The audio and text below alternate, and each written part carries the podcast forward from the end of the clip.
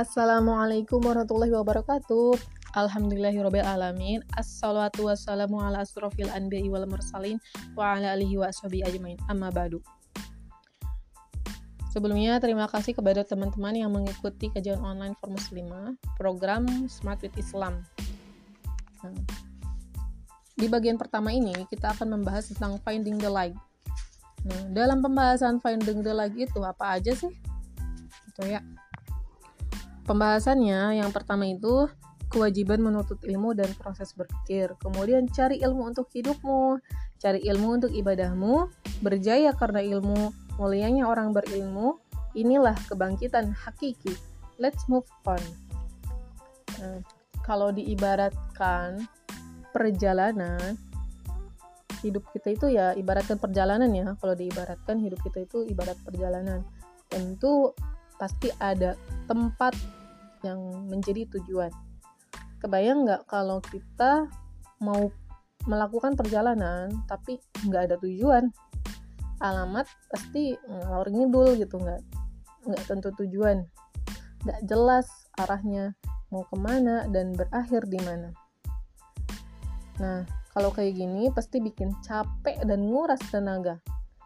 Makanya ketika sebelum mau pergi itu harus tentukan tujuan dan arahnya. Penting banget kita jawab pertanyaan. Mau ke mana kita? Ngapain kita pergi? Apa aja yang mesti kita persiapkan sebelum dan sesampainya di tujuan? Itu. Jadi kalau diibaratkan perjalanan kalau hidup itu diibaratkan perjalanan ya pasti membutuhkan pertanyaan-pertanyaan mau ke mana ngapain pergi kemudian meski apa aja yang dipersiapkan gitu. Nggak perlu deh ngeringitin dahi mikirin jawaban pertanyaan di atas. Dibuat mudah aja. Intinya kita perlu yang namanya tahu. Wait jangan mikir tahu makanan dulu ya. Ini bukan tahu. Tahu temennya tempe bukan. Tapi tahu di sini maksudnya adalah pengetahuan alias ilmu Ya, penting banget mencari tahu. Artinya adalah mencari pengetahuan, menuntut ilmu, menemukan cahaya, atau disebut juga dengan finding the light. Finding the light seperti yang pernah dilakukan oleh ayahnya Nemo saat kehilangan anak semata wayangnya. Eh, ada yang udah nonton belum nih film Finding Nemo-nya? Hmm, kalau yang belum nonton, boleh nggak aku izin sebentar keluar. Mau ngetawain gitu. It's maaf. Hehehehe. Hmm gak apa-apa. Kalau emang belum kenal juga nggak nggak dosa kok. Dan kita nggak bakal bilang kamu kuper cuman deso hahaha. Lebih parah ya. Oke. sorry. Buat yang belum tahu film Finding Nemo itu keren banget dan full inspirasi. Di film tersebut, ceritanya Nemo kesasar dan akhirnya terdampar di akuarium, sebuah rumah di perkotaan. Sementara bapaknya, bapak Nemo, namanya siapa ya? Duh, aku juga lupa. Kelim kelimpungan mencari tahu anak semata wayangnya yang seolah hilang di telan bumi, eh, di telan samudera kan ikan ayahnya Nemo mencari tahu mulai titik hilangnya Nemo, siapa temannya, siapa gurunya, dan lain-lain. Sementara si Nemo juga berusaha untuk mencari tahu jalan kembali kepada bapaknya. Serunya, kisah proses saling mencari tahu ini yang mengharukan, menegangkan, sampai akhirnya mempertemukan antara anak dan bapak. Eh, happy ending deh. Hicks, pokoknya sedih banget. Nah, Coba tebak apa hikmah yang bisa kita dapat dari film Finding Nemo itu? Apa? Kerja keras. Wah. Sungguh-sungguh. Tanggung jawab. Yaps. Dan masih banyak hikmah lain yang bisa kita dapat. Tapi yang pengen kita tekankan pentingnya proses mencari tahu alias finding the light seperti yang dilakukan Nemo dan ayahnya. Coba bayangin. Ya, kalau misalkan ayah sama si Nemo ini nggak berusaha saling mencari tahu gitu bakalan nggak ada endingnya tuh film Yaps, makanya mencari ilmu tentang sesuatu yang akan kita tuju penting banget seperti mencari secercah cahaya dalam kegelapan. Nah, cahaya dalam kegelapan, ya. Itu kalau dalam kegelapan apa sih yang kita harapkan? Ya cahaya ya. Gitu. Makanya cerita Finding the, Finding Nemo ini ibaratkan berusaha mencari cahaya dalam kegelapan. Uh, si ayahnya kan merasa kayak gelap gitu. Nggak ada anaknya di sampingnya yang biasa makan bareng biasa main bareng. Nggak tiba-tiba anaknya hilang. Ibaratkan uh, gelap aja gitu loh coba deh kita bayangin kita kehilangan seseorang yang kita cintai seperti ayah kita ibu kita nah, kita kehilangan gitu. Jangan mikir kematian dulu deh kita mikir kalau misalkan ayah dan ibu kita ini kabur dari rumah misalkan. Apa coba? Gelap kan dunia itu ibarat hampa. Gak ada orang yang kita cintai gitu. nah makanya uh, ini film ini itu mengarahkan gitu. Memberikan kesim uh, kepada kita gitu. Sesuatu yang memberitahu kita bahwa uh, mencari tahu itu penting banget gitu makanya misalkan nih uh, saudara kita atau ibu kita gitu kabur dari rumah apa yang harus kita lakukan? Mencari tahu kan gitu. Kemudian atau kita mau uh, jalan nih. Misalkan mau jalan aja keluar rumah tapi nggak nentuin tujuan apa hasilnya? Ngalor ngidul kan gitu. Teman-teman juga pasti sering banget kan nonton film uh, seseorang seorang aktornya itu keluar rumah. Pas ditanya mau ke mana nggak ada tujuan dan pasti kita juga pernah kan gitu. Keluar rumah nggak ada tujuan nah makanya kan kalau nggak ada tujuan jadi ujungnya apa? Ya nggak jelas gitu. Makanya dalam ketika kehidupan juga dalam kehidupan juga itu penting banget ya kita nentuin kita tuh mau ke mana gitu. Mau ke mana di sini adalah ya setiap manusia itu kan mau pasti mati. Nah mau ke mana itu ada pilihan ada surga dan neraka nah kita mau ke mana nih? Mau ke surga atau neraka? Gitu. Kita harus cari tahu gitu. Gimana? Misalkan eh, ya teman-teman pasti pengen banget kan masuk surga gitu. Ya jangan dulu mikirin surga dan neraka deh. Pikirin dulu kematian. Semua manusia pasti mati. Nah kita gimana caranya biar mati? Kita itu nggak nggak membuat keresahan kepada orang. Ya gak? penting banget harus nyari tahu kayak gitu. Kemudian uh, ketika ini juga perihal nanti setelah mati itu kita mau ke mana? Kita harus cari tahu. Tuh. Kemudian uh, ya harus cari tahu gimana uh, tujuan kita tuh apa gitu. Harus cari tahu. Kemudian cara untuk mencapai tujuan itu juga harus cari tahu. Kemudian uh, persiapannya apa aja biar kita tuh masuk ke sana gitu loh. Masuk kepada tujuan kita gitu ya. Oke. Nah itu mengenai cari ilmu eh mengenai kewajiban menuntut ilmu dan proses berpikir. Kemudian udah ya itulah.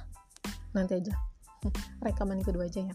Nah sekian mengenai kewajiban ilmu semoga bermanfaat. Assalamualaikum warahmatullahi wabarakatuh.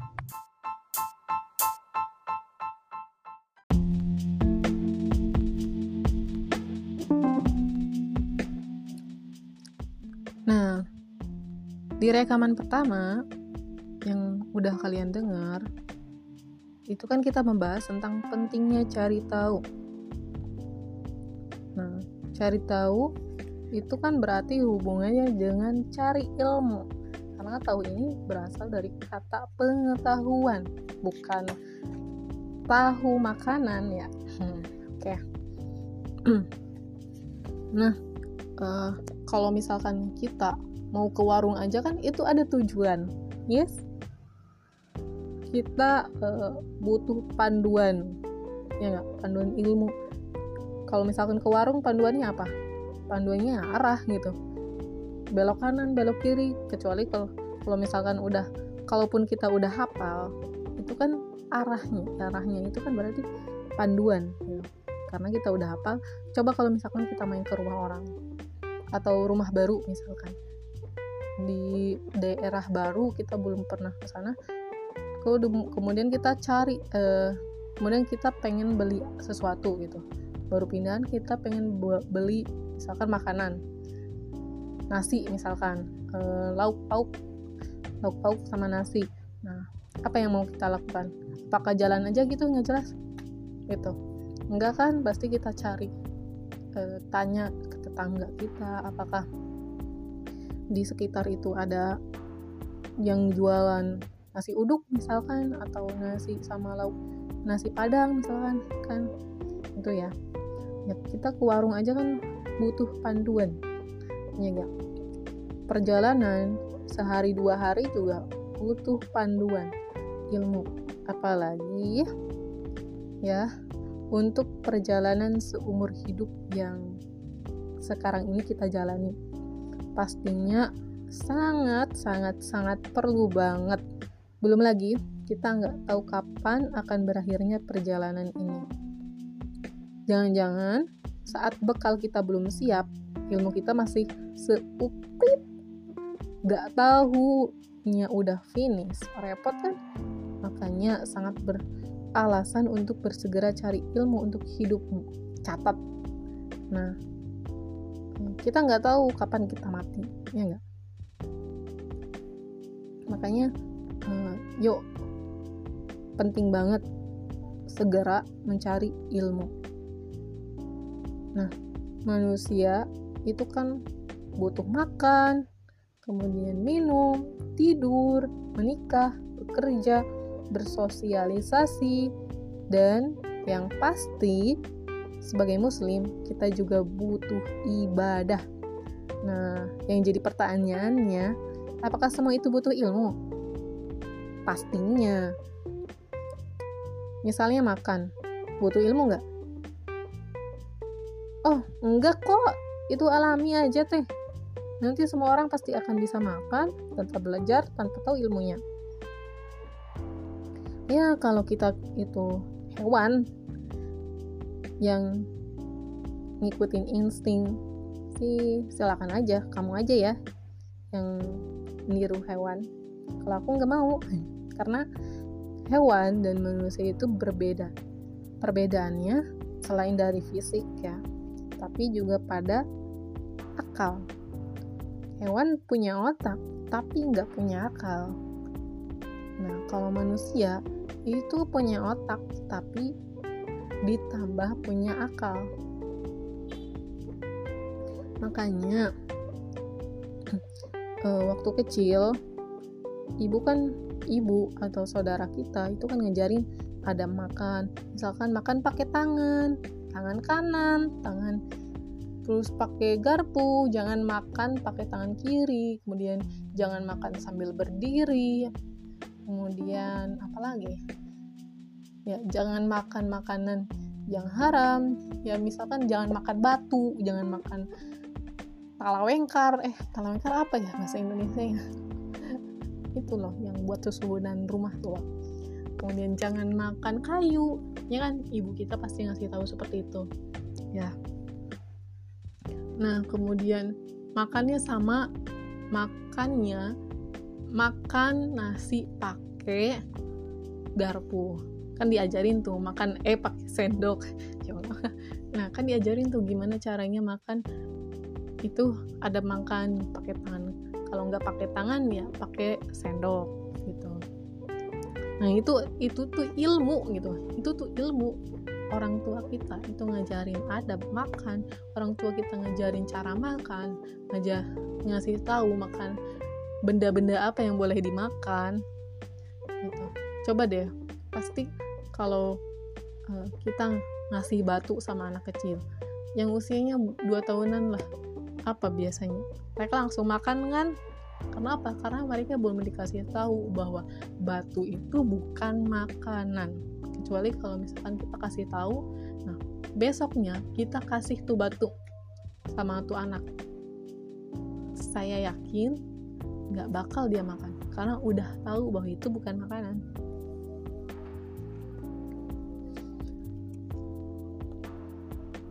atau baca doa sebelum makan nah itu tuh ilmu gitu jadi keinget sama cerita anak elang yang dibesarkan oleh seekor ayam ya. Tahu nggak ceritanya? Ya ceritanya ada telur elang yang menetas bersamaan dan dengan telur ayam. Nah jadi dalam sarang ayam gitu ya kan ada telur ayam tuh. Nah di sana juga ternyata ada telur elang gitu kemudian mereka telur turun itu ber, menetes bersamaan. Begitu menetes secara laruriah anak ayam ini anak ayam pasti akan mencari induknya ya. Begitupun burung juga tapi karena ini kondisinya ayam ya ayam. Tak terkecuali anak nelang yang terdampar di kandang ayam. Nah karena begitu melihat dunia dan yang pertama dilihat adalah induk ayam Lang menganggap bahwa ayam itulah orang tuanya. Jadi gini, eh, kan elang itu kan ada di sarang ayam, itu di sangkar sarang, sangkarnya ayam itu ya, sarangnya ayam bersama dengan telur-telur ayam, kemudian menetes bersamaan. Apa yang terjadi? Yang terjadi adalah si induk ayam, si induk si elang ini menganggap bahwa ya ayam yang yang besar yang ngelonin gitu. Apa ya namanya? Yang ngelonin itu berarti oh, induknya gitu orang tuanya. Makanya kemudian oh, si elang sama si ayam ini hidup bersamaan gitu. Si elang ini jadinya mengikuti gaya makan gaya style atau lain sebagainya ala si ayam ini. Gitu. kemudian cara berjalannya juga cara bersuara pun sampai ikut-ikutan. Singkat cerita, anak elang itu baru nyadar kalau dirinya bukan ayam. Setelah bertemu dengan induk elang, dia pun harus menjadi seperti elang. Bisa terbang dan alaminya justru memangsa ayam bukan malah berteman dengan ayam.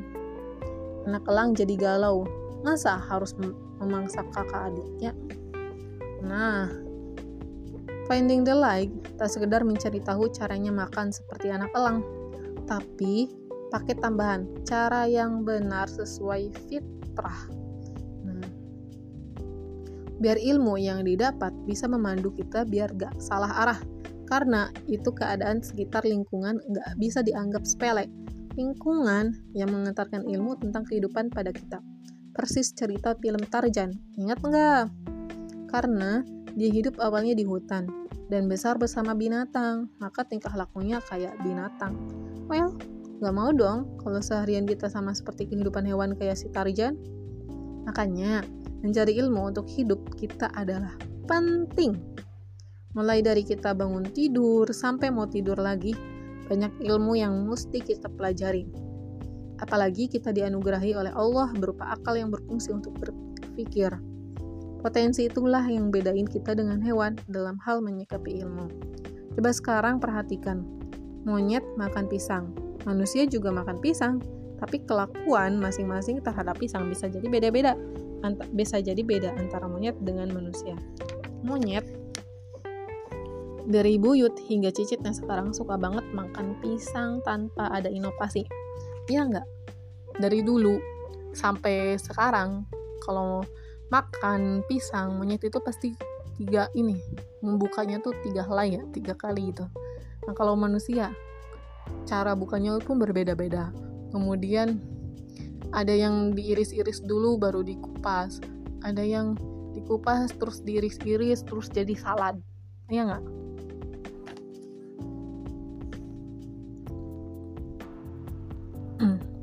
Nah ketika udah dikupas pun kalau monyet itu langsung makan. Ya enggak tuh kalau manusia sekarang uh banyak banget kan makanan dari pisang. Ada pisang keju ada pisang goreng ada ada bolu pisang. Apalagi ya banyak banget pokoknya lah. Ada itu selimut pisang. Tapi ya beda dengan manusia ya. Jadi gitu ya. Tapi bisa dibikin selai pisang. Eh selai pisang juga ada. Kemudian pisang molen kolak pisang bahkan kulitnya pun ada yang dibuat keripik asyik. Kebayang nggak? Monyet aja nggak suka makan kulit pisang. Iya ya tapi manusia main sikat aja karena manusia mampu menyerap ilmu dan bahkan mengembangkannya. Itulah kehebatan akal yang membedakannya dengan hewan. Dengan akal manusia bisa berpikir dan menyerap pengetahuan, sehingga bisa menerima ilmu, bahkan mengembangkannya maka Allah menciptakan manusia sebagai makhluk sempurna. Perhatikan dialog antara Allah, Nabi Adam alaihissalam, yang mengukali manusia dan malaikat. Bismillahirrahmanirrahim. Wa idh qala rabbuka lil malaikati inni ja'ilun fil ardi khalifah fil ardi khalifatan qalu ataj'alu fiha man يفسد فيها ويسفك الدماء ونحن نسبح بحمدك. ونحن ونحن نسبح بحمدك ونقدس لك. ونقدس لك. ونحن نسبح بحمدك ونقدس لك. قال إني أعلم ما لا تعلمون. وعلم آدم الأسماء كلها ثم عرضهم على الملائكة فقال أنبئني بأسماء. فقال أنبئوني بأسماء هؤلاء إن كنتم صادقين. قالوا سبحانك لا علم لنا إلا ما علمتنا إنك أنت العليم الحكيم. قال يا آدم أنبئهم بأسمائهم فلما أنبأهم بأسمائهم فلما أنبأهم بأسمائهم فقال ألم أقل لكم إني أعلم غيب السماوات والأرض؟ غيب السماوات والأرض وأعلم ما تبدون وما كنتم تكتمون. Quran Surat Al-Baqarah ayat 30 sampai 33 yang artinya ingatlah ketika Tuhanmu berfirman kepada para malaikat sesungguhnya aku hendak menjadikan seseorang khalifah di muka bumi mereka berkata Mengapa engkau hendak menjadikan khalifah di bumi, di bumi itu orang yang akan membuat kerusakan padanya dan menumpahkan darah? Padahal kami senantiasa bertasbih dengan memuji engkau dan mensucikan engkau. Allah berfirman, Sesungguhnya aku mengetahui apa yang tidak kamu ketahui. Dan dia mengajarkan kepada Adam nama-nama benda-benda seluruhnya. Kemudian mengemukakannya kepada para malaikat lalu berfirman, Sebutkanlah kepadaku nama benda-benda itu, jika kamu memang benar-benar orang yang benar. Mereka menjawab, Maha suci engkau, tidak ada yang kami ketahui selain dari apa yang telah engkau ajarkan kepada kami. Sesungguhnya, engkaulah yang maha mengetahui lagi maha bijaksana. Allah berfirman, Hai Adam, beritahukanlah kepada mereka nama-nama benda ini. Maka setelah diberitahukannya kepada mereka nama-nama benda itu, Allah berfirman, Bukankah sudah kukatakan kepadamu bahwa sesungguhnya aku mengetahui rahasia langit dan bumi dan mengetahui apa yang kamu lahirkan dan apa yang kamu sembunyikan. Nah itu ya, kita udah bahas nih, penting banget cari tahu. Kemudian eh, cari tahunya itu untuk apa gitu?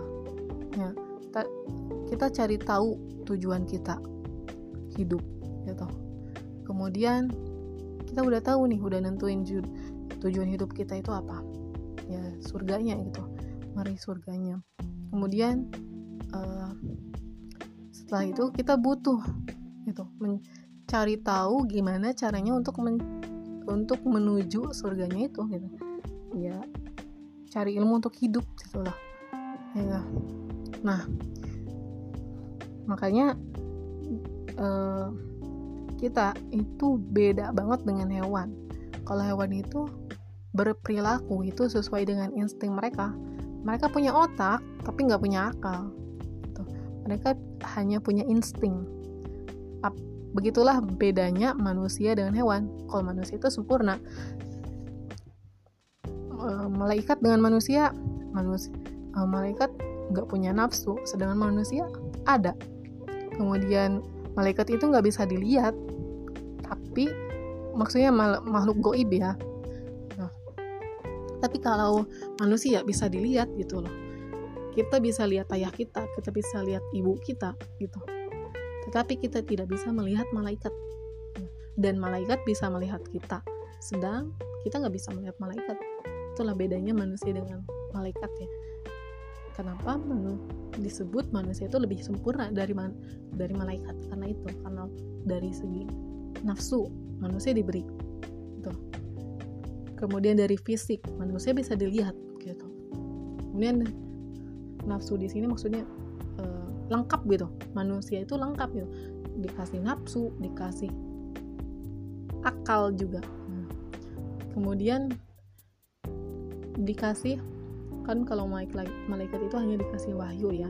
Nah kalau uh, manusia itu diberi hidayah untuk ada hidayah gitu. Kan ada hidayah ada nafsu ada akal fisik juga terlihat gitu.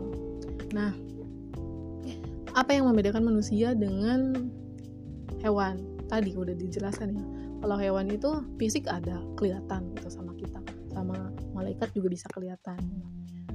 Jin juga kelihatan. Nah fisik ada tapi otak juga ada tapi mereka nggak punya akal gitu. Uh, itu cuma otak doang gitu. Cuma otak tak otaknya itu ya insting gitu nah uh, jadi kalau hewan itu setiap kali berperilaku itu karena instingnya ya. Kan kalau kata siapa ya teori belajar gitu.